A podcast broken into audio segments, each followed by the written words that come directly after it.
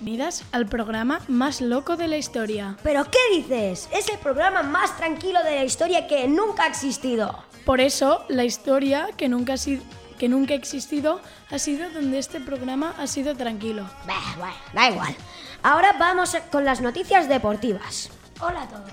Hoy el Barça ha ganado 8 a 0 contra el Real Madrid.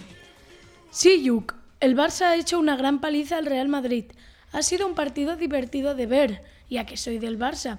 Y Spotify Camp Nou no ha parado de rugir de alegría, porque hacía tiempo que el Barça no había hecho tal paliza al Madrid.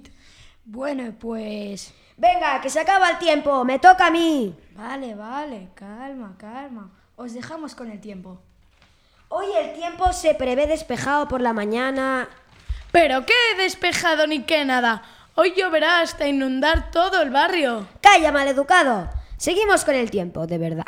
Mañana sí que lloverá hasta inundar todo el barrio. Pasado mañana va a llover granizado y para acabar el domingo va a estar muy nublado.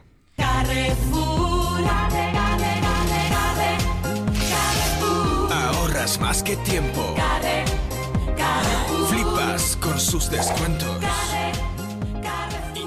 3 por 2. Si te llevas 2, te damos 3. Compra ya en Carrefour. Y si eres del club, 10 euros gratis.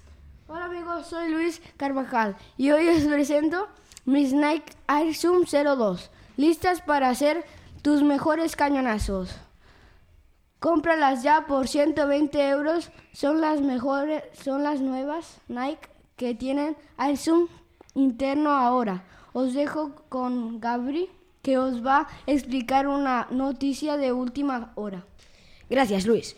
Hoy han muerto cinco chicas y dos chicos adolescentes a causa de dos terroristas que estaban conduciendo un camión por la acera de la calle Grande Gracia, justo delante del Decatlón.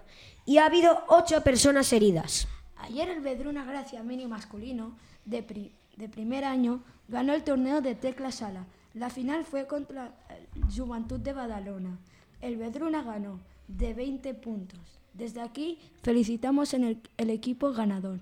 Ahora os dejamos con Luis. Os presento el nuevo Zelda que se llama Zelda Tears of Kingdom. La diferencia con el antiguo Zelda es que en el nuevo Zelda hay mejores gráficos y han aumentado las posibilidades del juego. Y aquí se acaba este drama total hecho por la emisora Palomeros. ¡Cállate! Vale, ahora os dejamos con Luis que os contará no sé qué. Adiós y gracias por escucharnos nuestro programa. Hasta la próxima, aquí os dejamos con este temazo.